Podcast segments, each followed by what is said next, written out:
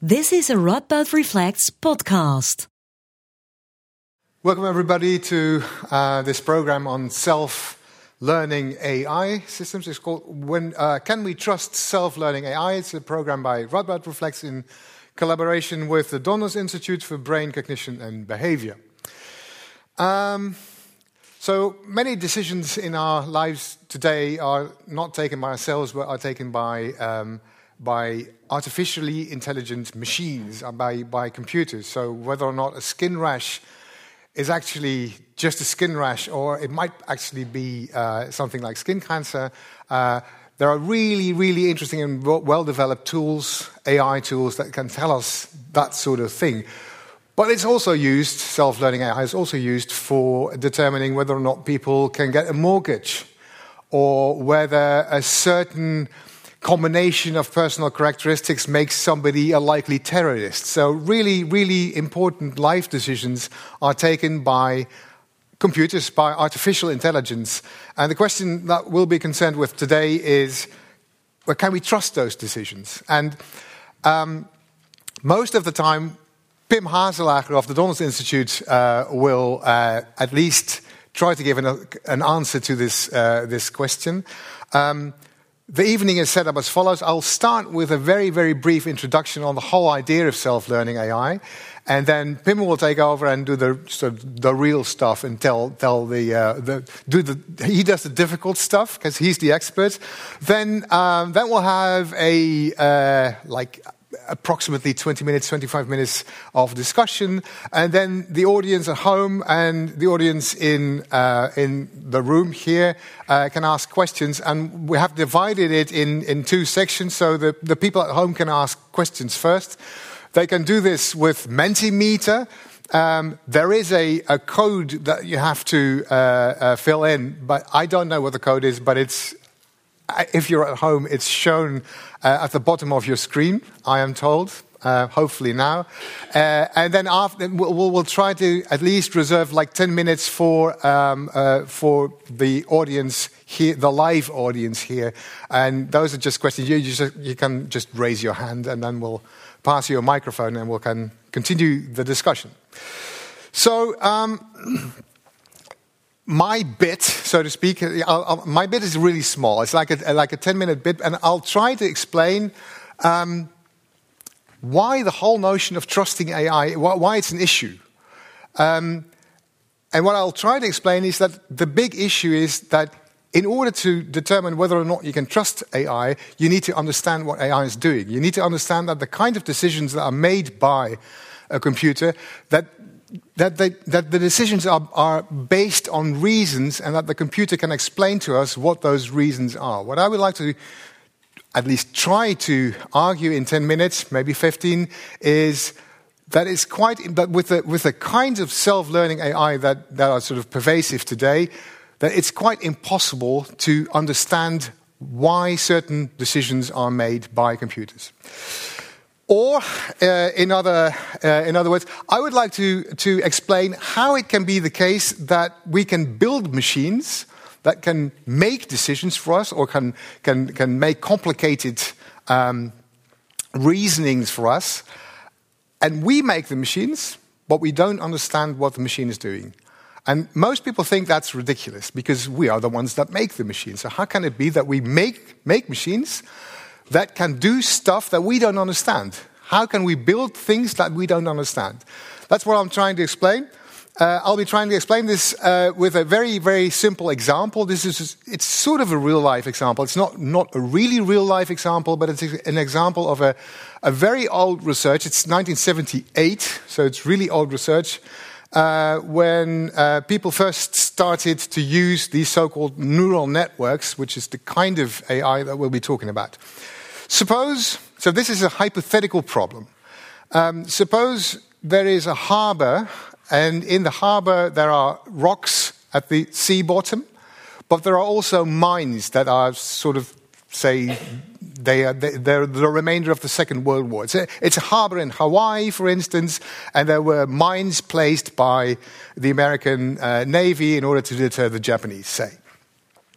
Now, the mines are still there, you want to get rid of the mines. How do you detect the mines? Well, you can use a submarine with sonar. And sonar basically is you, you, you, you send out a certain uh, noise signal and you, um, the, the reflection of the signal bounces back, and you hope that uh, there is a certain fingerprint that you can find in the sound that returns from either a rock or a mine, uh, and that you can use the fingerprint as to say, okay, well, that might be a rock and this is a, mine. So what you can see here is that there's a sort of frequency range. There are low, uh, there's low sounds, there's low frequencies, there's high frequencies, and everything in between that is being sent out by the, uh, the sonar of the, um, of the submarine. And also, I mean, and the, the, the sound that bounces back has a certain signature, if you like. There's, in, in this case, there's a lot of mid frequencies, there's very few low frequencies and not, few, not, not a lot of high frequencies, but this is the kind of sound that, you, that bounces back. Now, you want to be able to tell from, that, from this kind of graph is this a rock or is it a mine? Turns out, and this is real life, it turns out you can't. People cannot tell from this kind of, of frequency range that bounces back whether, they, whether the sound bounces back from a mine or a rock. So then, what do you do? And um, this is, in, in, a certain sense, this is real life uh, research. This is a, uh, a laboratory situation in which they have actually mimicked this, but they did this. And what they did is they, they wanted to develop a very, very simple neural network that can actually do what humans cannot do, namely determine from the sound that bounces back that is a rock and that is a mine. So, first, something about uh, a very, very simple, and I'm, I'm sure that uh, Pim is going to give you a more detailed picture, and actually, he's going to give you sounds as well. Spoiler alert, sorry. um, so, this is a, this is a, a, a neuron uh, two neurons actually. It's a it, well, it's a neuronal cell. Uh, if a cell fires, that, mean, that means that there is a sort of electric current or a, um, that is um, made by the body of the cell. It, it, it, it, is, it travels along an axon to, I'll, I'll simplify, to the next cell. If there is enough uh, uh, uh, electricity, so to speak, then the next cell will fire as well. Um, you can sort of make, make an, a, a, computer version of this by making an artificial neuron, which is called a node, uh, that when it is excited enough, when there is uh, enough activation in the first neuron, this is the activation. Activation in this case is just, it, it's just basically a number, and the number is between zero and one.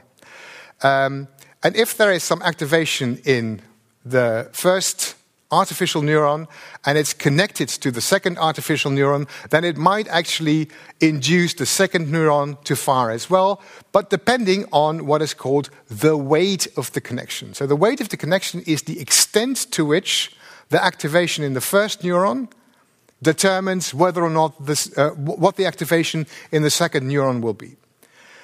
Now, it turns out that the second neuron is also connected to a lot of other, other neurons, but this is sort of the basic, this is the building blocks of what we're going to work with. I hope you're still with me. Um, it's, uh, I think it's kind of important to explain this, this, this, sort of stuff because then you really get why it is that people can build stuff, build machines that do things that we don't understand. Okay, so these are the building blocks. Um, and then you build something like this. This is a, a, a three layer neural network, and every one of those little balls is a, an artificial neuron, and they're connected in the, in the kinds of ways that I've just tried to outline. But what we do now is that we connect the first, sort of the left hand um, 13 neurons to the frequencies that bounces back from either rocks or mines. Yeah? So if there is a lot of mid frequency, my glasses are not good enough, but um, I see that somewhere in the mid frequencies there is uh, uh, quite a lot more activation in the different nodes than in either the bottom or the, the, the top uh, neurons. And this is because there's more mid frequencies than low and high frequencies. Yeah? So you translate the frequencies to these 13 neurons. And then you connect the neurons to seven neurons in a sort of middle layer, and you connect the middle layer to two output neurons, and you call one rock and you call the other mine, just randomly. This sounds ridiculous. It is ridiculous, but wait. And then you assign all the connections between all these neurons random weights. You just you start with a, a completely random distribution because you haven't got a clue which of the frequency ranges uh, uh, you know, signifies a mine and which of, the, uh, which of them signifies a rock. So you just start with a random distribution and then you let it run, and then usually say, say you. Um, um, so say that the frequency is, in this case, um, comes from a mine, and you get this type of result. The mine, there's a sort of 0.52 chance that, there is, that it's a mine, but there's 0.48 chance that it's a rock. So this really doesn't tell you anything. And here comes the trick. Then you use a rule, a sort of mathematical rule, which and that's that's the complicated stuff that Pim knows way better than I do. I, I really don't know. I mean, I'm, I'm, I'm, pretending as if I sort of understand what's going on, and I sort of do, but not really. This because this is the stuff that I don't get. Apparently, people are able to use a mathematical rule called the generalized delta rule, uh, which is sort of able to determine which of the weights that was randomly assigned is responsible for the false outcome. Yeah, so you, put, you, you use another computer, and the other computer knows that there is a mine, that the mine was the input, knows that the output just really doesn't tell us much, and then figures out which of the weights is probably, but, very, but only probably, responsible for the false output. And then you start tweaking the weights. This is, this is, this is the big, the, the tweaking of the weights, that is the big trick. That's where, where everything happens. So the you use the rule to say, okay, it's a mine. There was a 0.52 chance that actually, that, that, that says uh, the neural network, that this frequency range was produced by a mine. Well, then we need to tweak a lot of weights, and then probably we get a little bit, you know, a, a slightly better result. Suppose that happens. Suppose you get I'm not sure if I, yeah, suppose you get this, like 0.56 after the tweaking and 0.44. Uh, suppose that happens. Then you, you, you know you're sort of on the right way, but you're not there yet. And this is where the self learning comes in. You use a computer that presents the machine with samples of mines and rocks, different samples. And you use the same rule, the back, uh, this is called back propagation, to tweak the weights until there is a distribution of weights that gets you something like, oops, like this. Like, I don't know what, uh, yeah, like a, a 0.98 for a rock when there is actually a rock uh, presented to the machine. So what happens? This, this, is, this is sort of the, uh, the, the, the, the crucial bit. It's the tweaking of the weights according to a very complicated rule, while the machine or the neural network is presented with samples of mines and rocks. And as it turns out, this works. You get a machine, this, this, uh, this is a real life example. You get a machine that is able to tell us with almost certainty, like 0.98 certainty, that that is a mine and that is a rock. This, this, is, this has been done. And you, the, the, the, the, I, I think they only used some, something like 120 uh, um, iterations, so 120 samples that were actually given to the machine, and then the, the tweaking went on. That process is called self learning. It's not really self learning because you need another computer that teaches or that presents the samples to the neural network and that does the tweaking, but there is no human involved. No human does the tweaking. The tweaking of the weights is something that another computer does. And you end up with a, a network that has apparently a certain distribution of weights and that is able to do something that we were not able to do, namely tell that is a rock and that is a mine. So I hope that this, this example sort of gets the point across that it really is possible to build machines that do something that we don't understand. Because if you ask the machine, look, what, what you, you just said there's a mine, and, and it probably is a mine because we now know that you can do this. But why do you think it's a mine? The machine can't answer. And then you open it up and you try to figure out how, how the machine does it, and all you get is a distribution of weights. That's all the answers you get. And that's not enough because you don't, you don't know why that distribution corresponds to a mine or a rock. That's, this, that's the problem of explainable AI and self learning AI. This, so we, we, can, we can build machines that can do stuff that we don't understand. And today, these machines make incredibly important decisions for us, like do you get a mortgage? Or are you a terrorist? Or is this skin cancer? That's, that's the problem that we'll be, uh, we'll be discussing uh, further. Now, with uh, Professor Pim Haselager, who is professor of um, societal implications of artificial intelligence and cognitive neuroscience, but we'll not be talking about cognitive neuroscience, probably, who knows. But the, okay, but the topic today is uh, artificial intelligence, so Pim is going, uh, going to take it from here. Thank you. Well, in a way, there's nothing left for me to explain, of course. This was all crystal clear, right? Uh, that's how these things work. Um, and it's nice, I'm clicking till I get my own slide. It's nice to see that um, this is stuff that was built in the 80s. Neural networks really started that approach. I will say a little bit more about that in a second. Uh, started becoming popular in the 80s. And in that period, we could work with simple problems like the mine rock, still highly stylized and simplified, but it was working with features that were completely new and that were actually interesting because they were neurally inspired. They're called neural networks for a reason. And so people started thinking, hey, that's nice. By learning about the brain, we can then maybe also improve AI. And by improving AI, maybe we can understand better how the brain works. That's very nice. You can do both at the same time. Um, at the same time, like the backpropagation that Mark explained, uh, there were limits to what you could do. And somewhere along the 90s and the zeros, certain principal problems were solved with delta rules. It's all highly mathematical. We're not going to go there. This was a lot of mathematics, I thought, already. Um, but a second point that was crucial to the real time, real life applications of neural networks was simply computer speed. The calculations, if you go through a network like that, take a long time.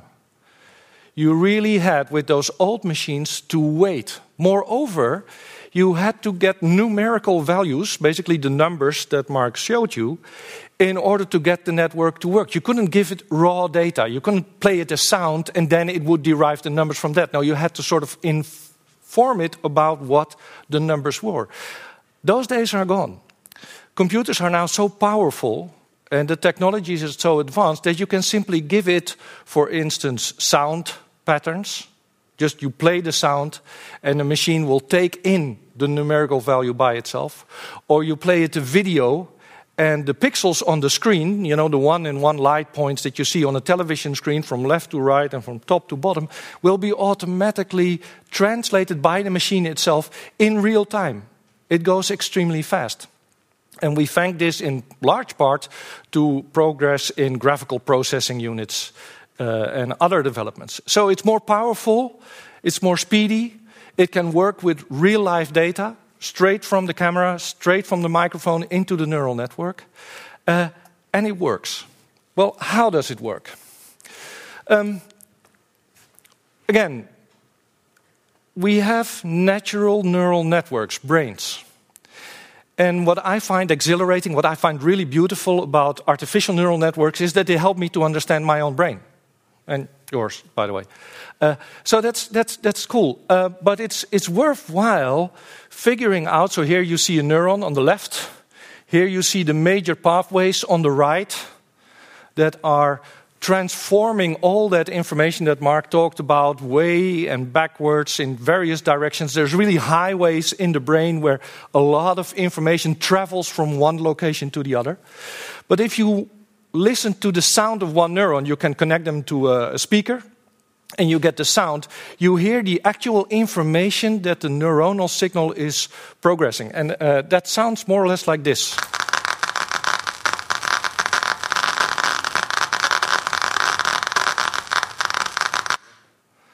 The sound technicians, when we rehearsed this, thought there was something wrong with the equipment. But for me, this is one of the most beautiful sounds I know. And it's really true, because this is the mystery of the neural code. This is how we think. This is what happens now in all our brains. Of course, it's soundless because they're fortunately not connected to speakers, but this is the information that transfers from one neuron to the other. We have 10 to the 11th uh, neurons, that's a lot. There's enormous amounts of connections, and all this is going on with that particular sound. Can I just make you listen again, if that's possible? This is you. This is your thinking. This is your thoughts. This is your feelings.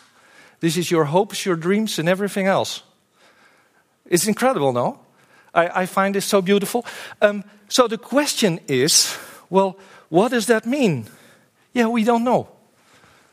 But we would like to know to a certain extent. Maybe there, we can, in the discussion, also discuss a little bit why we wouldn't want to know. But neural networks use that same pattern, and so maybe they can help us a little bit. So it's worthwhile trying to figure out how they work, how that sound that you heard, that activation code of the neuron, that firing frequency basically, provides or represents information. That's a crucial question, not just because we want to know how machines make decisions about everyday life. They also work for Tinder, by the way, for anyone interested in that kind of stuff. So the dating uh, candidates that you get, there's a learning neural network there underneath that, that gives you your new dating partners. Um, and so they're inspired by neurons. And here you see cortex on the left below. And there, neurons are more or less uh, organized in columnar structures, like a sort of building block consisting of five layers. And it's never going to be more than five layers for a very simple reason because the skull has a certain kind of shape and a certain kind of volume that doesn't really grow over time. And this is because when kids get born, there is a limitation to the birth canal that doesn't allow heads to be bigger, and there's only so much growth that a head can have during a lifetime. So we are stuck as a biological species with five layers of neurons in our neocortex. That's a lot of stuff that we can do with that kind of neurons. At the same time, uh, it's an upper limit for purely biological reasons. You, you, see sometimes these science fiction movies where the artificially advanced species has this cone kind of structure in their skull. That's one way to get more volume in and still be born in the natural way. That's, that's where that comes from. Uh, but of course, artificial machines don't have that limitation. There's no need to stick to five. There can be 500, there can be 5,000, there can be 500,000. The sky literally is the limit. So, just in terms of computational resources, artificial neural networks can outweigh whatever we have that we carry with us. So, that's one reason why we can do things with AI neural networks that we cannot do with biological ones. And so you see here a pathway, for instance, from the retina with light sensitive cells that's going to a middle nuclear structure, the lateralis geniculatus nucleus. Then it goes to the visual cortex. Then it goes up to the motor cortex and it provides information about where in the visual field the stimulus was. And here it goes ventrally to a, a language related centrum that makes you identify the object that you saw. Oh, it's a book, or it's a mine, or something like that. And you can basically rebuild that information in a more linear fashion that you see here at the lower right uh, corner, and that's your artificial neural network. And again, the amount of resources that you have is practically unlimited. So we really have now monster calculating machines that do a lot of that work. Now, the question is what are the neurons in the middle of such a network? You see there hidden layer one, hidden layer two, hidden layer three. What do they represent? What kind of knowledge is there? They make that funny noise that you heard two times. What does that mean? Can we get access to how that information is represented? Well, you can think of it in the following way. If you take a neural network with a layer of three neurons, you can identify or represent the activity from zero to one as a line. You know, you have an x axis, a y axis, and a z axis. You see that here. You can basically get a cube. A cube. I'm going to walk here. I need a, a stick some, at some point. I'm told that people at home cannot see the, uh, the pointer, so I'm trying to both uh, tell you and tell them where I am. So think, for instance, of faces that are being recognized by a neural network. Um, okay, one identifying feature could be eye separation. You see that on the axis going from left to right, right there. So an activity of zero, no sound, no activity of the neuron, would mean represent that the eyes are very close to one another. A maximum activity, full blast in the speakers, would mean that the eyes are far apart. You can do the same for mouth fullness or for nose width and lots and lots of other features. I only show three here because on a two dimensional space, a page, you can show three dimensions but not more. But mathematically, it doesn't matter whether you have three dimensions of 300 or 3000 or 300,000. The principle is the same. So the activity that represents a face basically consists here of three neurons that make that sound together, is three times the noise you heard earlier. But you can also imagine that at some point it becomes 300,000. It's a lot of noise, and that's what makes it so difficult for us to decipher. Is that problem kind of clear? This is how networks represent knowledge. Then you can identify regions in that space where, for instance, there is a, a male subregion or a female subregion, a very big region which is indeterminate and in principle not desirable to ask about. That's a 21st century kind of development. And there's much more that you can represent in that way. But this is how we think about knowledge representation in neural networks. Now, the next question. So, we saw a simplified example with three neurons, and we could more or less identify what it means. I simply postulated okay, so this is about eye width, you know, the distance between the eyes that this neuron represents. Zero is this, one is that. But now we look at real neural networks that do face recognition. You see the faces on the left, all kinds of pictures. And over there on the right, the output layer, you see, for instance, the identification of a male or a female face, or an old or a young face, whatever you prefer. Is that kind of clear? You train these networks, there's backpropagation, so they learn automatically to address uh, the weight setting so that the answers are more or less correct for a maximum number of possibilities. And then you start asking the question so, but what do neurons in, for instance, hidden layer one actually represent? Or what do they represent at the end of the input layer? Here you kind of know by the output layer. There, there it's clear it's a male face or a female face or an old face or a young face. That is sort of identifiable. But in the middle, it's really hard. And then if you start looking on the basis of visual input, what you see, and I will zoom in on this later, so don't worry if you don't see it immediately, is a sort of line detection, maybe, which is nice because you need to see the contours of a face, for instance. So we first go almost like for drawings. You know, the visual system first starts identifying the outline of the skull, for instance, and the location of the eyes, these two patterns with the nose, mouth identification. So line detection is very important. Then in the middle, it's not so clear what you're seeing, actually. Maybe you see an eye here and there, but there are many representations in terms of pictures that we cannot identify. They don't make much sense. Let me zoom in. So, this is an example of a car. You have the line detection. That's you see the car on the left, then lines, more or less black white transitions then you get stuff that is really difficult to see. Some things I think I see something like a, a, wheel here and there, maybe you see that too.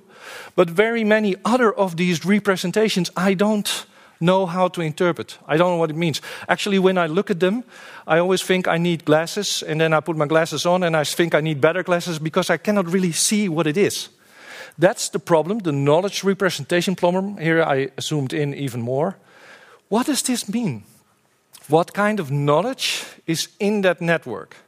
Apparently, the network has learned that this kind of information here in the middle is crucial to identifying cars or distinguishing male from female faces or old from young faces or whatever kind of distinction you want the network to make, pines and rocks. We can try to see, to reconstruct what is happening inside there, but we cannot really make much sense of it except for some cases. And the funny thing is, and that's another reason why it's um, cause for enthusiasm, that we have the same problem with brains. It's relatively easy to trace the information transfer from the retina into the visual cortex, then going up towards the motor cortex for localization or going down for uh, uh, labeling, let's say.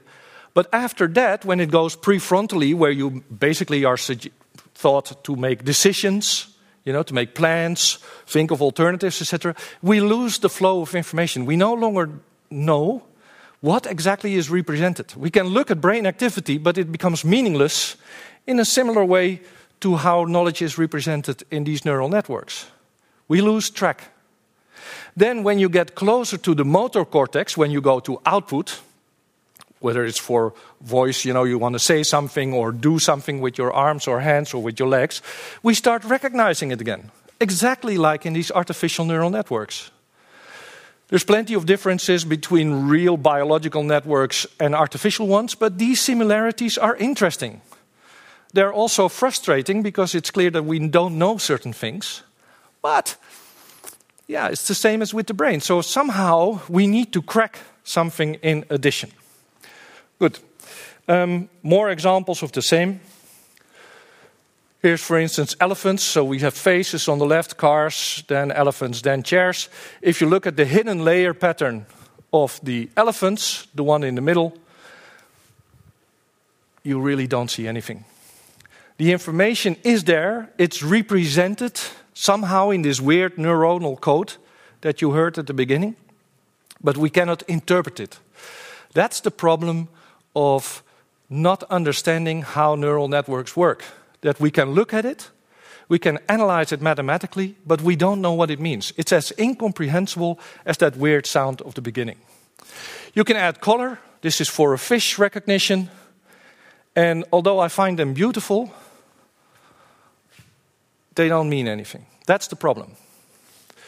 Uh, so, in terms of efficiency, the accuracy of the predictions, the learning capacity, neural networks are brilliant. They're fascinating. They're the best tools we currently have to learn new skills.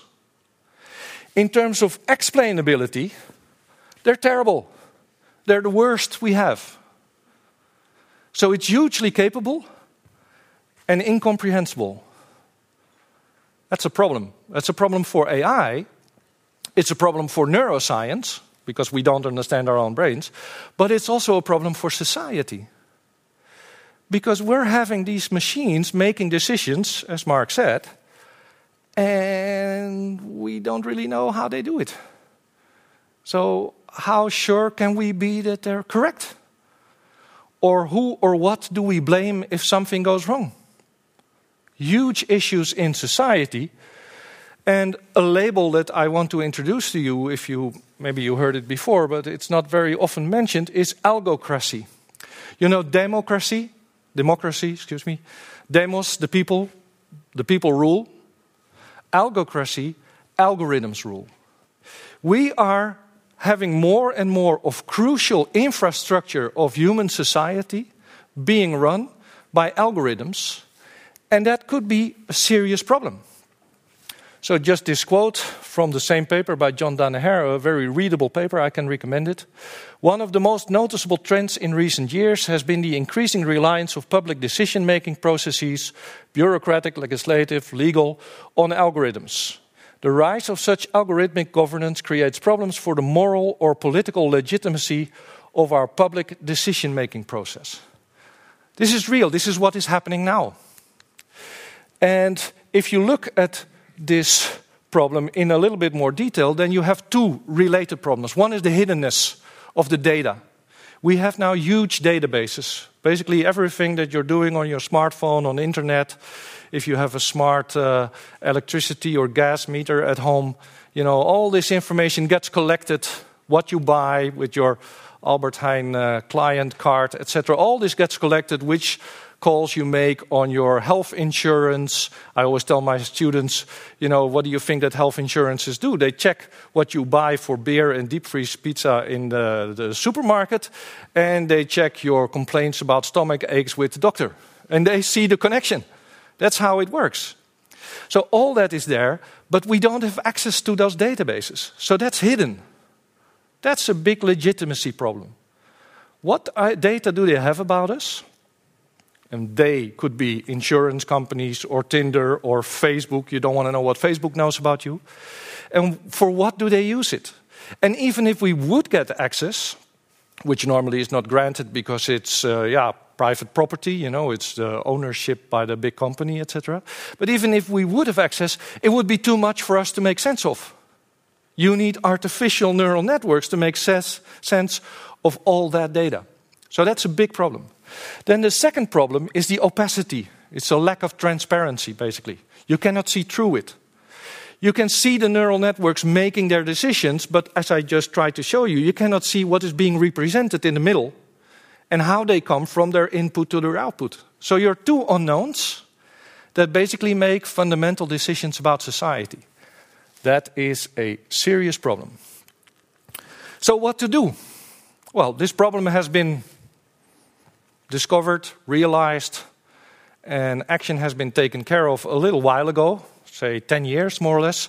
Took quite a while before this was affected in certain legal procedures, but we currently have uh, a requirement for human intervention. So, this is the Dutch uh, government that in 2016 already formulated, knowing what was happening at the European Union level, of course, that in the end, always a human had to make the ultimate decision. Automatic decision making with legal or otherwise significant consequences is not allowed. It should never be the case that a machine and only a machine makes the final decision. Sounds very reasonable, I would think. The famous, or rather the infamous GDPR, General Data Protection Regulation, uh, in the Netherlands it's called the AVG. Maybe that rings more of a bell with some people. In Article 22, very famous article, the data subject, that's human beings, shall have the right not to be subject to a decision based solely only on automated processing. Always there should be a human in the loop.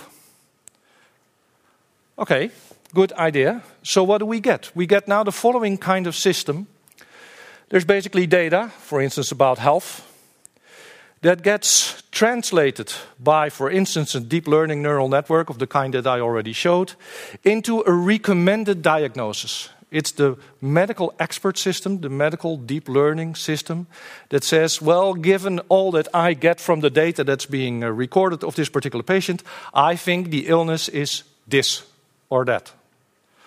But that's not the end of the story because there's a human on the loop that then says, okay, I will accept this hypothesis, this diagnosis, or I will reject it in favor of another one. So ultimately, when something goes wrong, there's never a responsibility gap or anything. It's the human doctor that makes the final decision. So, this is a human on the loop. And in theory, there are several options, and I want to go through them to, to sketch the problem a little bit in more detail. So the first one was the traditional one. The human is really in the loop. So I get the information about the patient. I'm not a doctor.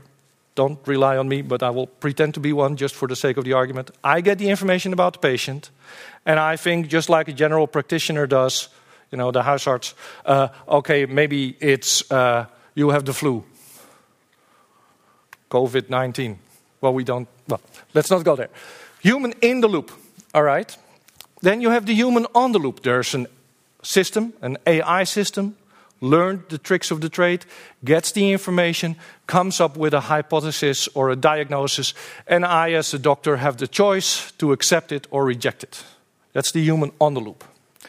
Then there's the human out of the loop, and this is currently being debated, for instance, in relation to killer drones. You know, these automatic airplanes that, that can shoot people, drop bombs, etc.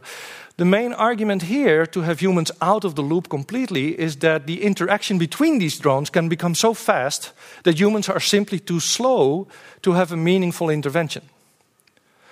There's, of course, a huge debate now on banning that kind of technology because, yeah, not everyone, fortunately, wants these machines to kill automatically. Uh, but we know about bans in relation to military equipment, that's going to be an uphill struggle. So that's a current debate that's really going on. I'm just mentioning it here to illustrate the human out of the loop. But go back to the human on the loop. So I'm this doctor, and I'm getting this diagnosis of a system. That's the best that AI can provide. And I've worked with it, and it seems to work quite well for, I don't know, 100 patients or 1,000 patients. What am I going to do the 150th time? Am I going to think, well, I'm going to really think for myself and check very thoroughly? Or am I going to rely on the system? In other words, we may be saying that the human is on the loop, but you actually might end up with the human being under the loop. And we see this already in self driving cars. Eh? There's increasingly self driving cars. They're not fully self driving, lots of reasons for that. It's a whole different ballgame. But what we see is that people are supposed to have their hands on the wheel and look at the road in a self driving car. What do you think people start doing after 10 kilometers or so? They take their smartphone, yeah, exactly, and they start doing other things. It's a bloody self driving car. So, how sure can we be that professional experts will be non human in that regard? They know a lot more, that's why they're professionals and they have a certain responsibility, so they will hold out longer. But will they always have the same attention and the same concentration as if they know that it's really depending on them and not on the machine? I doubt it. I think that a lot of professionals, and I give regular talks to, to those kind of groups in medicine, but also in legal professions, etc., are going to end up under the loop. And they will be a kind of moral crumple zones, scapegoats, if you like. You know, like with cars, if they have a crash, there's this area that you can safely sort of damage and the person inside still uh, stays safe. Well, professionals using these kind of deep learning systems will have the same kind of uh, effect, basically. They're there to take the blame if something goes wrong. They're filling the responsibility gap at their own expense. A difficult problem that we're working on.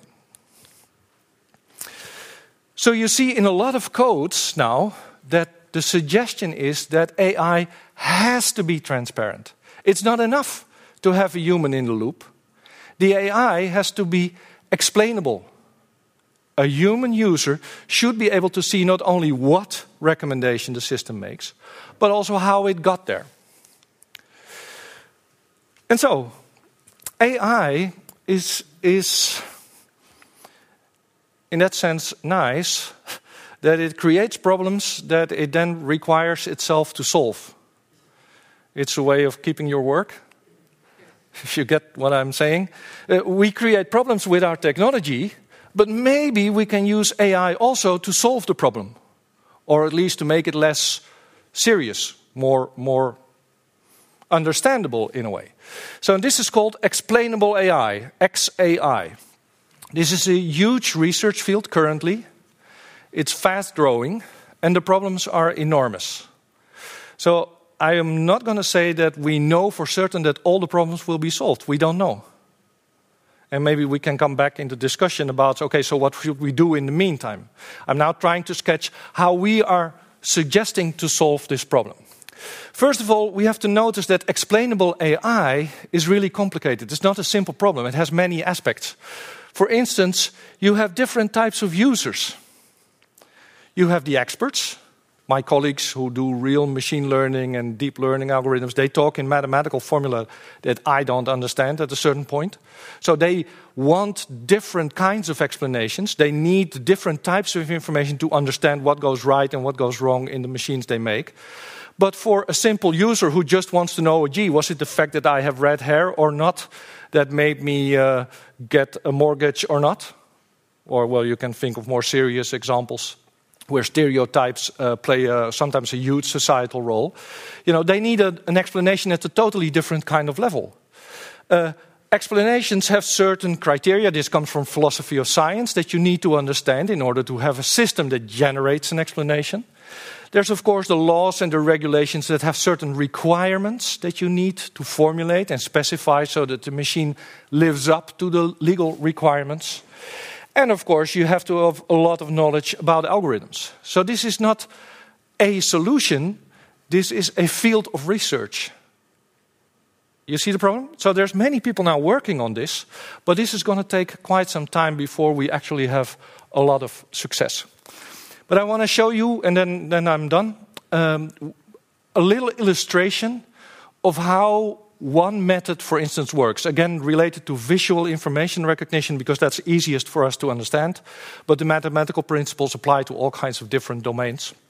So it's just to give you an idea. First, you want something that's called a heat map. You see in the middle with the dog.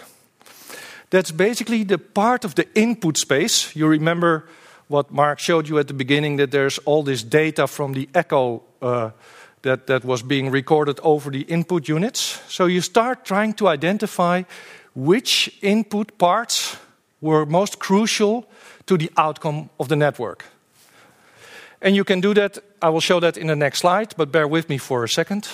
So once you have the heat map, you can say, okay, we understand a little bit what it was about the input that was crucial. And then we can look further down in the network in order to see what was it about that information uh, representation. The same goes for language. This movie was very good. Is that a positive or a negative sentence? It's positive. Where does the positivity come from, so to speak? Well, most likely from the last word. If it would have said the movie was terrible, everything else was identical except for the last word, and then it would have changed to negative. So that's how you can see which parts of the input space actually help you. Then you can distort the image uh, deliberately. So, this is the recognition of a particular type of bird, the hummingbird. So, this is the unobstructed picture. You don't damage the picture, so to speak, and you see that the network gives you a, a high confidence estimate. It's a hummingbird with a 93% certainty. Great. Then you delete the head section of the picture. And suddenly you see that the hummingbird certainty of the neural network actually goes down to almost half. So that's a huge loss. Apparently, those pixels right here with the face of the bird uh, carry a lot of info relevant information to the network. Good. You check other parts and you see that there's damage done, but not as much. So you create a heat map, which you see below, the, the blue one. And with a color intensity code, you can say, okay, it's these parts that actually play the largest role in the decision of the neural network. So by as you will damaging the network or the input of the network, you get a better understanding of what happens. And you can also do this with artificial neurons. Of course, you cannot do lesions in a real human brain, that would be highly immoral, although it has happened in the past. But you can make lesions in an artificial neural network. There's no suffering involved there. So you can actually take out certain parts of the network and see how that changes the information processing of the network. And that makes you understand better how it actually produces the end result. Is that kind of clear? I hope it is, because the story is finished here. We can go to the discussions. Deep learning neural networks, very powerful, but extremely non transparent. Uh, effective human oversight is required in the European Union, but to be perfectly honest, I doubt that that's really going to solve the problem. That's a legal solution that's psychologically not plausible, so to speak. You cannot rely on people actually doing what they should be doing in those kind of situations. So, the best hope we currently have is explainable AI, where we use AI techniques in order to address the problem that AI itself created. Thank you.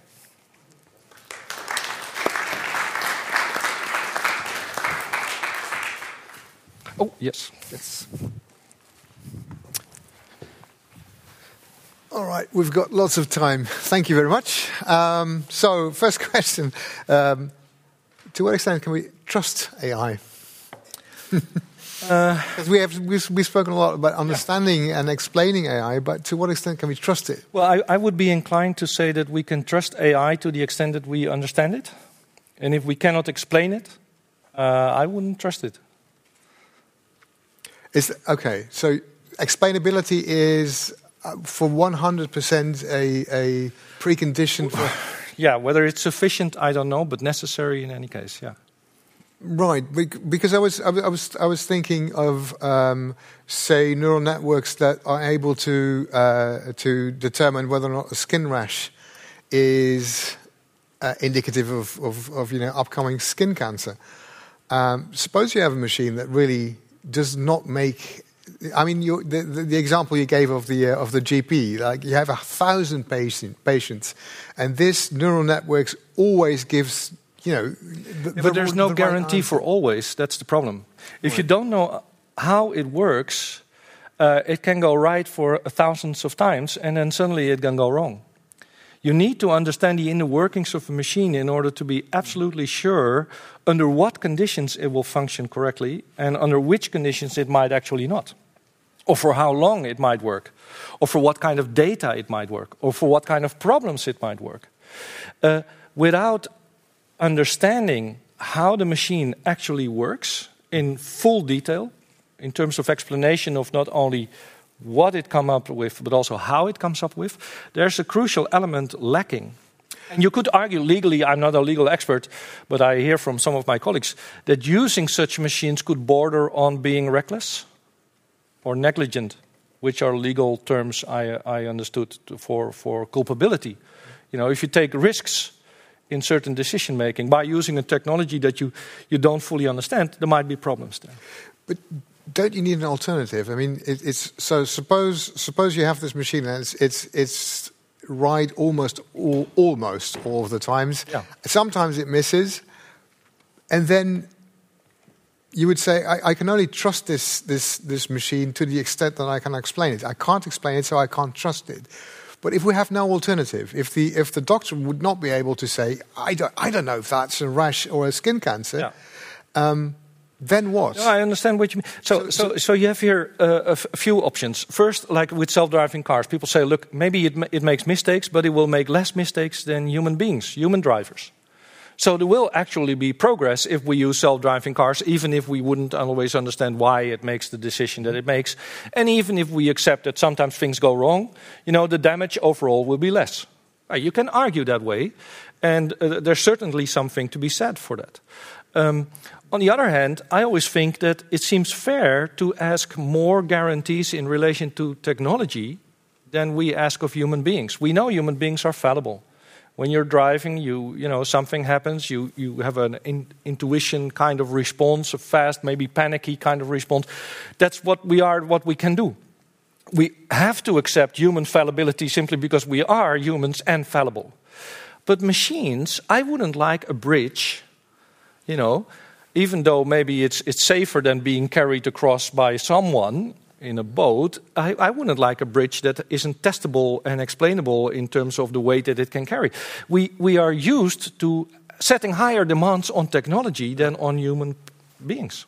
Right, right. But yeah, but now you're going somewhere where I was always was also planning on, on, on going so in, our, in, our, discussion. No, no, I mean. Um, so you, you compared uh, artificial neural networks with you know real neural networks, i.e., brains.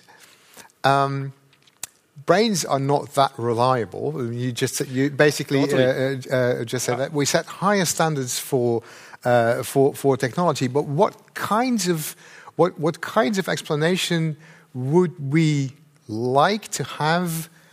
in order for us to be able to say now this now you know for all that we know we can really trust this yeah. this network well that's a good question and i think it depends on the context and the users like i already said explainable ai is a very complicated kind of domain so it's not just one factor uh, but depending on what is at stake and, and, and for whom something is at stake, you can set different criteria. And one of the tasks of explainable AI is figuring out under what circumstances uh, something needs to be explained in more or lesser detail.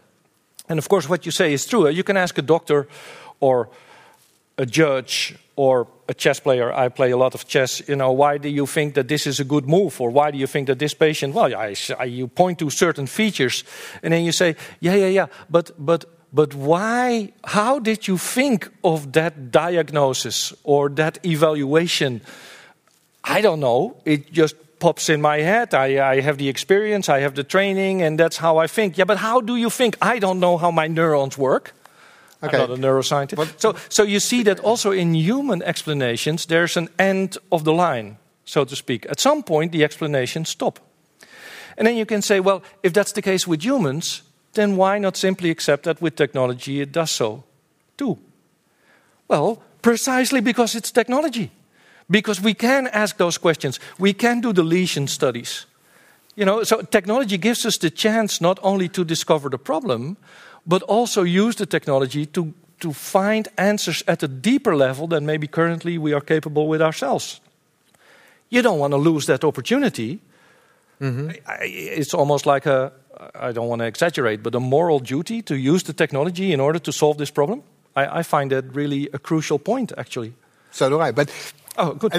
Good. No, no, we're on the same page here. but, boring. but yeah, but um, the the, exa- the chess example is really interesting because there are two things at issue. One is your explanation of why you made a certain move, yeah, and the other one is how did I come up with that move? Yeah. And the how did I come up uh, explanation is close to what we've discussed, explainable AI. But the justification issue is a different one. So it might be the case that somebody, you, you make a certain move and you say, somebody says, why did you make that move? And then you say, well, look, there's the rook and there's the knight and there's the body. And you give the whole, you know, so you give, a, you give a, a, an, ex, an explanation, not in terms of how did I come up with that move, Yeah. but why is the move justified? And can't we do something like that with AI as well? Not knowing, not knowing how the machine got there, Yeah. we might still be able to say something about, okay, but now, now we have a, a machine that is so reliable to, to I mean, in, in, in, in, the sense that it usually gets it right, Yeah. and then build some other machine that, because what I think that humans do, I'm not sure if you agree, but what, what I think humans do in the case of, like in the chess example, is you make a certain move, you haven't got a clue where that move's come from, move comes from, but then once you look at yourself making that move, you think, ah, that's because I saw that the knight was doing that and the rook was doing that and the pawn was doing that. And then you come, you, you, you basically, you're interpreting yourself. Yeah. And that self-interpretation, that is your explanation. And can't you do something like that with, with uh, AI? So, so part of explainable AI is to make machines that come up with a story like that. okay. saying, okay, so it was these data points, it was the head of the bird. That was really crucial for me. When I saw the head, you know, I, they're not talking like that, of course. That's typically human talk, but but it's the same idea. So it was these data points. Uh, so that's the reasons. That's what we humans normally do. But in addition, machines can also say, well, hang on, it was actually the cluster of knowledge representations. You remember the fake thing about the face space that I showed with the the eye separation, etc. It was actually that sort of represented knowledge in that particular region of that space that was crucial to making the switch from that particular part of the input to recognizing it such. And if you would have damaged that part, I would no longer be able to classify it as a, what was it, a hummingbird or something. You see? So, so machines actually provide us with an opportunity to go beyond the standard levels of explanation that humans are able to give. Ah, great. It's technology. We have a right to demand of technology, you know, such increasing levels of accuracy. And in the meantime, remember what I said at the beginning, uh, we use AI also to learn more about ourselves. Oh, that's nice. If we can, if we can use explainable AI also to increase our understanding. I mean, I also work at the Donders Institute. It's a cognitive neuroscience institute would be stupid not to use the opportunity. So there are many different reasons. In practice, of course, you can say, look, for self-driving cars, you know, uh, I don't know, 50% less accidents on the road is good enough to accept it in practice. Fine. But making that decision doesn't, shouldn't legitimize not asking the further questions. Yeah. Okay, so, so there, are, there, are, there are two parts basically to the, uh, the explainable AI problem. One is what about, what about the inputs? Which, I mean, you, you can have a certain, you can, you, can, you can approach the AI system as a black box and see, you know, if with this input you get that kind of output, you compare the two and you see, okay, well, apparently the head of the hummingbird was crucial. Yeah. Uh, or the wing or whatever. Yeah? Yeah. So, what does that tell us about the importance of the the samples that we use network that we use Yeah. in the training of networks? Yeah, totally. Um, no, I understand. Uh, so, so um, the phrase we always use is garbage in, garbage out. So, if you feed a system, a learning system, with bad data, out comes rubbish. That's what you're going to get. And, and in a terrible way, that's actually what we see. So, there's a lot of discussions now about biased AI. And of course, people found that a little bit strange in the beginning because AI, computers, you know, they don't have biases. They're machines, they're cold, they just calculate. So, how can they be biased? Well, they're biased because we feed them with historical data of biased human beings. So, if you tell them to not look at certain types of data, or your database is not representative for a whole population but has overrepresentative of, of course, men, two men on stage, you know, it's always the same. Uh, then you get a learning uh, network that has that bias. Uh, so, so, in a way, this is also funny. Um, technology is always some, uh, can also be something like a mirror. Eh? If you look at what technology does, you see Homo sapiens in a sort of distorted mirror, and they are just showing us how biased we are simply by reproducing bias on the basis of data that we thought was kind of uh, okay-ish. Well, it turns out not to be. The machines show us how biased the data is that we created. So, so that's another opportunity to learn about ourselves via AI, which I find really important. Right, right. And but what, what do you do about that? I mean, it, what, what do you? Well, one thing, so uh, I sometimes speak at, at ministries. I say, I, I don't understand. I think it's really strange, to say it politely, that you cannot go out on the road with a car in Europe without the car having been checked, I don't know how many times. You know, all kinds of quality controls at the factory, at the dealer, and then, you know, you have the APK or whatever it's called. Uh, the thing has to be checked every time. And databases, basically anything goes. I can make a database and sell it tomorrow, and nobody checks what, what kind of data is in there, whether it's representative. So, what we need urgently is a kind of trademark quality control, European Union style, for databases. And if you don't have the quality control, you don't get into the market.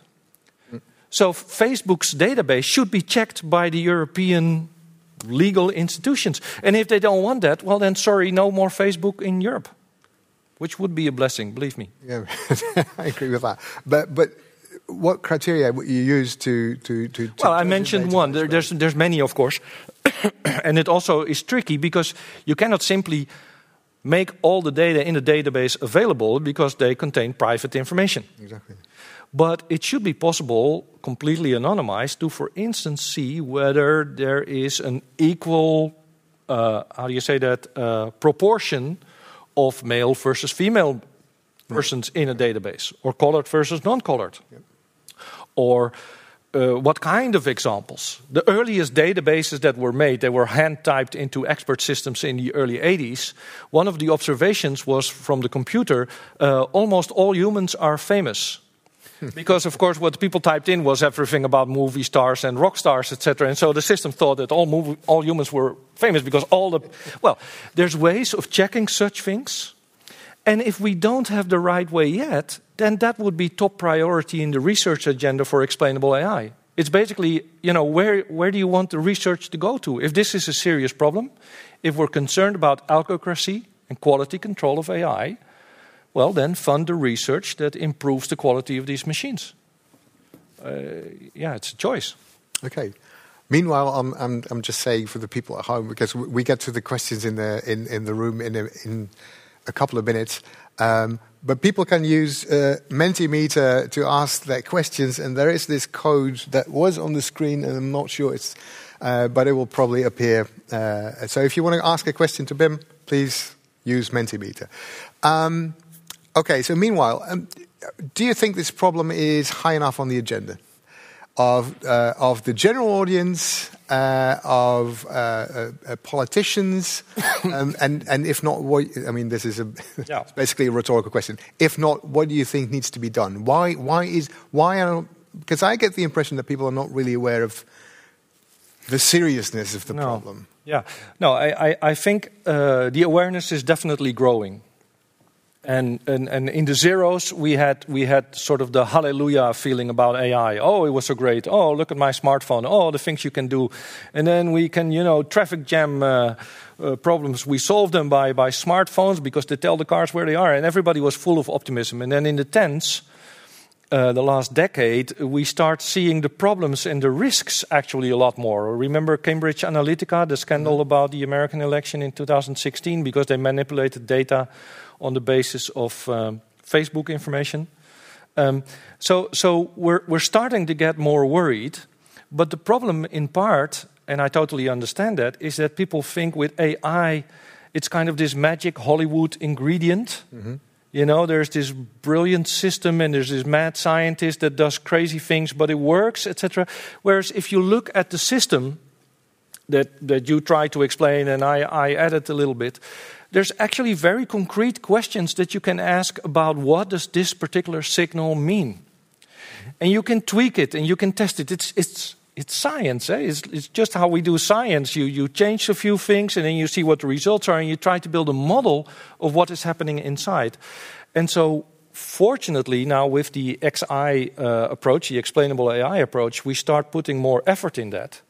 But the problem is, currently, especially from a commercial perspective, there's more money to be made with applications that seem to be doing something useful than with applications that explain how it's done. There's just more economical thrive for stuff that does things. You know, the, the, the, the, the motto of um, Silicon Valley was always uh, move fast and break things. because that way you make money. Yeah. Um, and so I think it is to governments, European Union level, um, to make sure that the quality control type of AI that we so, I think, desperately need is getting very high on the agenda. Good, good. Now, I've got a num- number of questions here now. Just connecting to this one, um, do you think that AI will be useful in checking AI? Yes. Can you explain that? I mean, it, it- Well, in a, in a, in, in a way, uh, I, I try to explain with a little bit with that um, the, the the example of the hummingbird and the lesion studies. If you think about it, you know, um, how many bird species are there? A lot. lots, lots. Yeah. All right. So, how many pictures of those do you use in training a network? Millions. How many pixels are there in a picture? Lots. Uh, you, you see the numbers growing? Okay. I, I wouldn't like to hire an assistant to check all these pictures of all the birds for me and do this by hand. You know, that's going to take longer. The sun will be finished before the poor uh, assistant is done. So you need a machine that does at high speed all these checks, and then you have the same with the lesion studies. If you have a network of uh, 100,000 artificial neurons and you want to take them out one by one, that's going to take ages if you really do that with a, you know, with something technical that I don't know the name of right now. Uh, you need to do that computationally. So you need AI to perform those checks about the internal functioning and the inputs. But would it also be possible to use AI, for instance, to to determine whether or not the data set that is used to train the machine Yeah, is course. fair? Yeah. Okay, that's also possible. Yeah, your representatives. Uh, there, there, there were there were a couple of students um, with Tom Heskes from uh, computing science. I happened to be second reader. Great stuff they did on fairness, algorithms to determine fairness. It gets all very complicated and very mathematical very quickly, but in a way, AI can be the doctor of AI in the same way that humans can be the doctors of humans. That's not, you know, I, I, I don't see a principal problem there. Well, the, the, the, the- question then obviously would be who is going to check the checking AI? Um, shouldn't there always be some sort of human oversight? Yeah, but it's a different form of AI eh, that you Right. use to check. So they they have different features. Right. Uh, so so I, I, I don't think that that would be a principal problem. It's not a snake biting its own tail. It's not the same AI. It's a different kind of model Right. with different features. Okay. And that should be easily checkable. Right. Okay, so AI might be the solution to how know, we can't trust AI now, but AI might be the, the solution nevertheless. But, yeah, but, but this is this is an identity issue. Eh? So it's uh, like which AI are we talking about? There's a lot of AI that you simply can trust. Eh? If you use a calculator at home, It's very trustworthy. You can trust it. Trust me. you can trust more the AI than me. I'm pretty sure. So, so there is. Uh, it depends again, and that's also what makes this discussion complicated. Like, which domains are we talking about? What kind of damage would occur if something would go wrong? How high are the guarantees for appropriate function that we need? It's like, you know, if you talk about an airplane, you, you check more than if you use a bike. At least my bike in Amsterdam, you know. If that would be an airplane, you wouldn't really use it. So you, you, you you, it depends on the territory, the kind of application, and the kind of damage that could be done with the system, what kind of quality controls you can do, and when you think that a, a certain level of trust is justified. Right. And I think that that applies to AI too. Yep. Okay. Got lots of questions, so, like I'll, so so, I'll, so I'll, I'll, I'll just go on with, with, with, with Go. different Go, yeah, uh, sure, questions. So I've got, got a couple of really nice ones. Uh, is it feasible that AI could solve a research problem? I would say the answer is just simply yes. Yes. Okay. Already then, happened, Then we huh? can go with the second half. protein folding, Yeah, I know. You know, the, the, so the, uh, last year, because very often AI is, gets into the news because they become world champion with chess or with Go or with poker or whatever. No, but, but uh, a very recent protein folding and the three dimensional, I'm not a biologist, but the three dimensional structure is really important for the kind of effectivity that it has in a biological system. That was actually solved by an AI deep learning neural network. now the question DeepMind, is- which is a Nobel Prize worthy kind of uh, discovery. Some Then the question is who gets the Nobel Prize? Just to. Yeah. That's the question. That, yeah, good question. Um, I don't think you should give prizes to machines.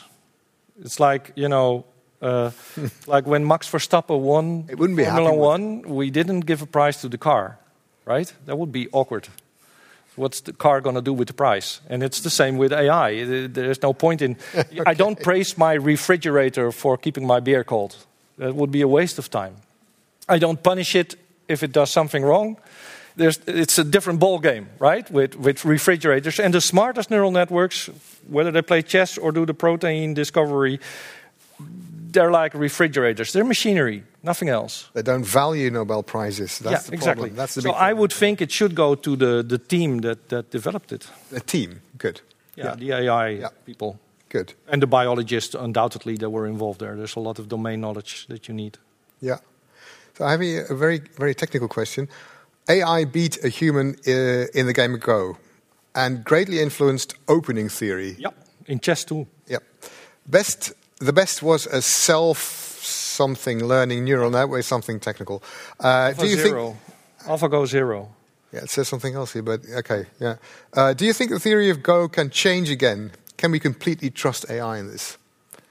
Well, um, okay, so I'm more of a chess player than a Go player, so I find it a little bit risky to talk about Go. But, but in chess, it absolutely happened. And the story about AlphaGo is it may be interesting. So AlphaGo uh, learned from human feedback. was a self-learning neural network, but it was still a teacher, and it played games against humans, and uh, and it beat the best Go player. One year later, there was AlphaGo Zero, at least that's the name that I, I know, uh, and it learned simply by playing against itself. So there was no human feedback anymore involved. AlphaGo Zero, so without the human feedback, played against AlphaGo, and it beat AlphaGo with 100 against zero. 100 against zero. And this is something that I, I find really important, in a way sad, but also liberating. It shows us something about ourselves. About, uh, for me, AI very often tells something about us, eh? which that's why I think it's really interesting. Um, and this is that uh, we, we, we pride ourselves, we human beings, Homo sapiens, as being the smartest species on the planet. You know, and nobody, the dolphins don't argue with us, so we, we, we can go on believing that that's the case. Um, and so for us, the best human chess players or mathematicians, you know, they're geniuses. So from, you know, zero to 100 at the, the level of uh, stupid to very smart, they are at 99.8 or something. But then what these machines show us that is that what, what, what we think are human geniuses are actually pretty poor compared to what is possible in terms of intelligence. That our best humans are maybe the smartest, you know, of all those creatures with a skull, with the five layer uh, neocortex uh, kind of uh, limitation. But that the actual intelligence possible in this universe is way much higher 100 against zero. Can I? So, so we're, we're really very stupid creatures, actually, on the, and all due respect to Einstein, but the guy was a loser. you know, compared to what is really possible in terms of intelligence. And that's on the one hand sad, maybe for us, but on the other hand also liberating. Because if you see the kind of decisions that we tend to make, just look at the last century and a half, you know, there seems to be, it's good there is space for improvement, right? I, I would think. Yeah. Sorry. No, no, it, it, it, I, I, just should say to the people at home, I, we, we don't have time to cover all your questions. And now you mentioned this, I'm just dying to ask a question. So sorry, people at home, I, have got to ask this one. Um, and then we go to the, uh, uh, to the room. The, the, the whole point about human intelligence is that human intelligence is collective really, I mean, the, the, whole the whole thing about uh, about us being so uh, incredibly smart is not that our brains are so big or that each individual can do so, ma- so many computations.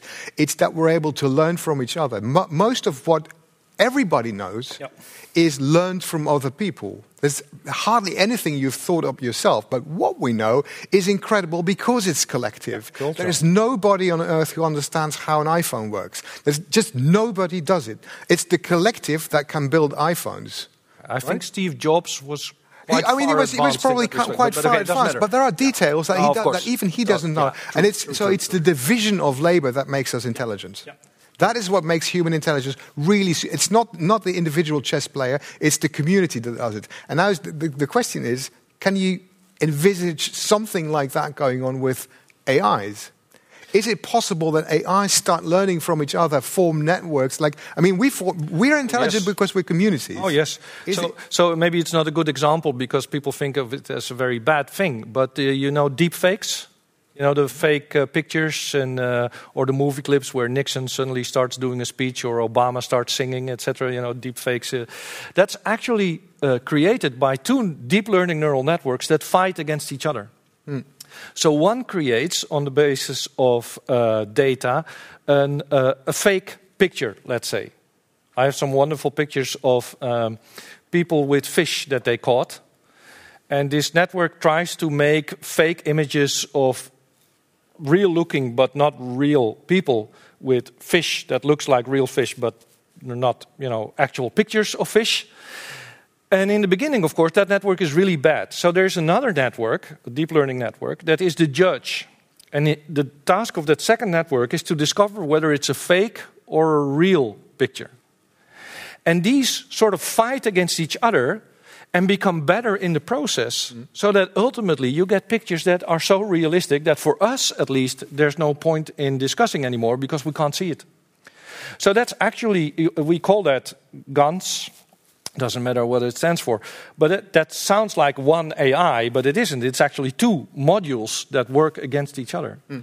So yeah, is that learning from each other? Not really, but it's it's, it's no? the first step. I, I would think. Okay. It's, it's, well, it's not like cultural learning in. in no, the, the, the, mechanisms could be different, but but I, I wouldn't know why you couldn't write programs that write programs, for instance. I think they are existent. Okay. Interesting, yeah. interesting, scary stuff as well.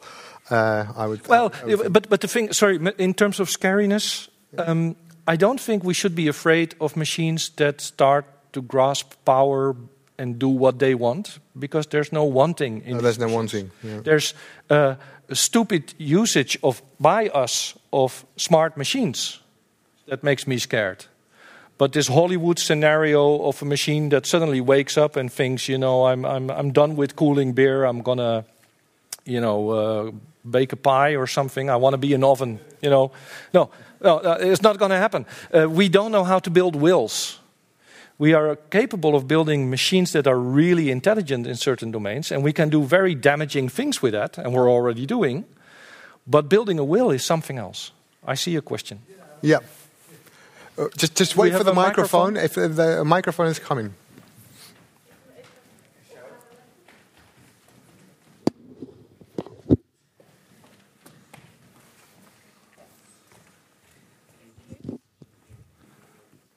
You don't have the fluffy dice that you can throw into the audience? No, that's nice. Yeah, no, we don't.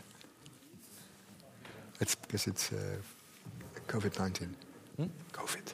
Hello, my name is uh, Luke. Um, do you? Uh, it, it, sounds to me that you say intelligence is uh, the same as uh, data analysis on a high, very high level. Um, uh, do you think that's the uh, is the same? Do you think? Let me put it another way. Do you think that intelligence might go beyond super data analysis? My second question, it's in the same area, is do you think it's possible that uh, IA uh, makes decisions or has uh, can reflect on itself and can do yeah. moral or ethical uh, yeah. make moral or ethical decisions? Yeah, no, excellent questions. yeah, yeah. So, so in relation to the first one. Um, well, it, no, there is there is something that you call inference, inferencing, inferential capacities, reasoning, uh, like uh, induction or abduction, you know, explanatory hypothesis generation. And AI is capable of doing that too. But if we talk about deep learning neural networks, then there, especially without the data, the network is not going to do much. So there, you start almost always with, with, with a lot of data in order to train the network. So, so but uh, let's say more old style, good old fashioned artificial intelligence, you know, expert systems, inferential systems that are more semi linguistic, like the old style programming, you know, if this, then that kind of style, that still exists and is flourishing. And that goes more in towards inference making, so reasoning, if you like. So both types are possible, but the architectures sometimes, by and large, eh, are a little bit different And reasoning and having a will and making decisions on ethical, moral problems. Is, yeah. Is, well, there is something is uh, into artificial. Is that what's possible with artificial intel intelligence? Well, you, I mean, itself, eh, doing its doing it itself. Yeah. No, you can build systems that reason about moral problems in the same way that you can build systems that reason about chess problems. You know, or object recognition problems. Uh, in that sense, it's totally possible. Um, yeah, but, but so far, that's actually always the case. Like AlphaGo Zero, that learned without human involvement.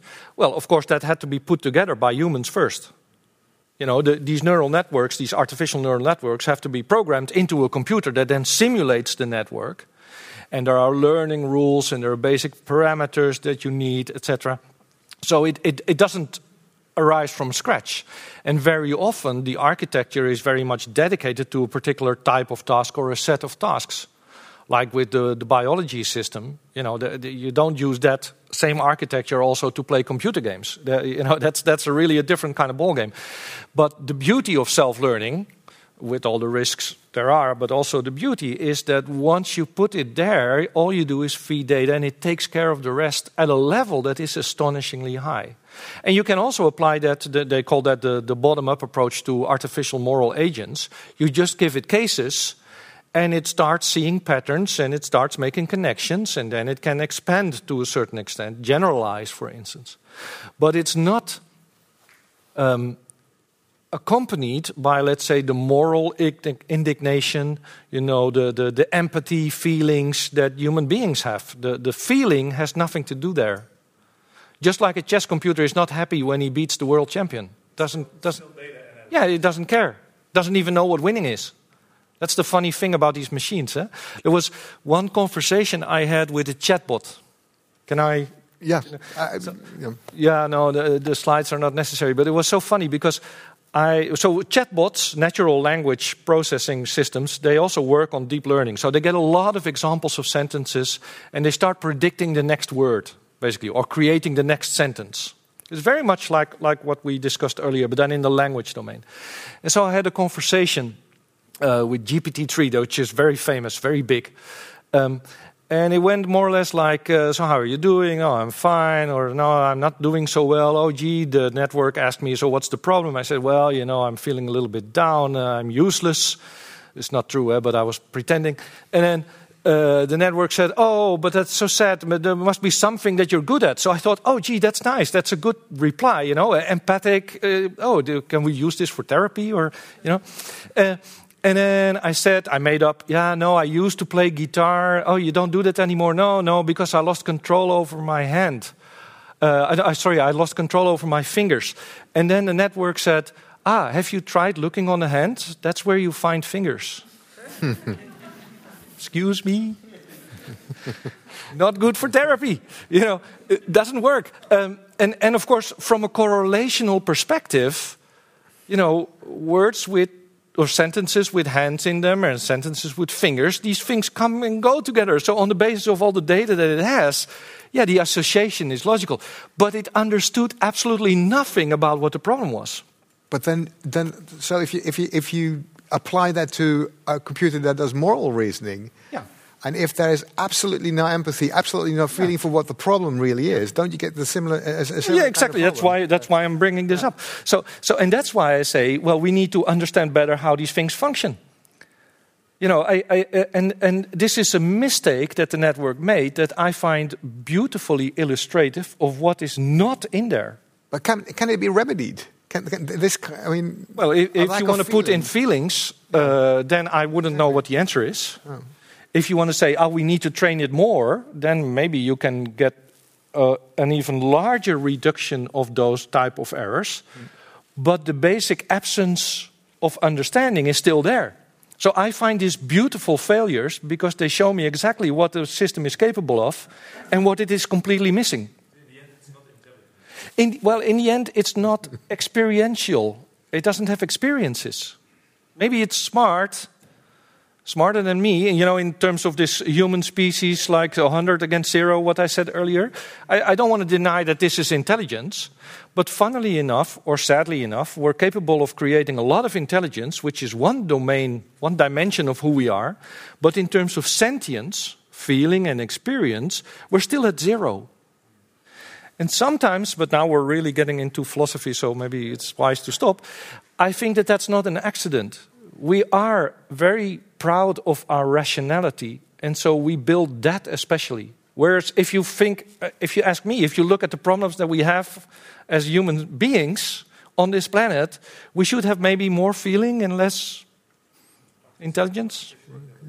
I don't know, eh? but um, in my bad moments. We have time for one last question. Yes. Oh, yeah. Two last questions, maybe if they're brief and if the answers are brief. I always just, just, oh, sorry. Did, uh, hi. okay. okay. So go um, ahead, quick. So I think it's pretty standard to say that I, I don't really trust companies like Facebook or Google or whatever to be handling my data, right?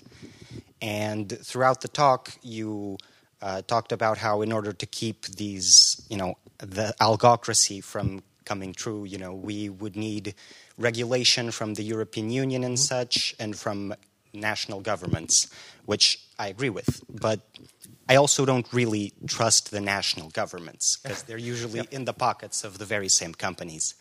So I'd like to know if you think that there is any kind of institution that would be better suited to handling these technologies going into the future than, say, the government or the corporation. Yeah, go ahead. Yeah, well, I mean, you have, have several NGOs like Amnesty International, uh, organizations like Bits of Freedom. If you want to have good information about protecting your privacy on the internet, go to the Bits of Freedom. You just, you know, don't Google it, but duck, duck, go it. The, the, there's so many things you can do. So, so there's a lot of private initiatives that you can also rely on.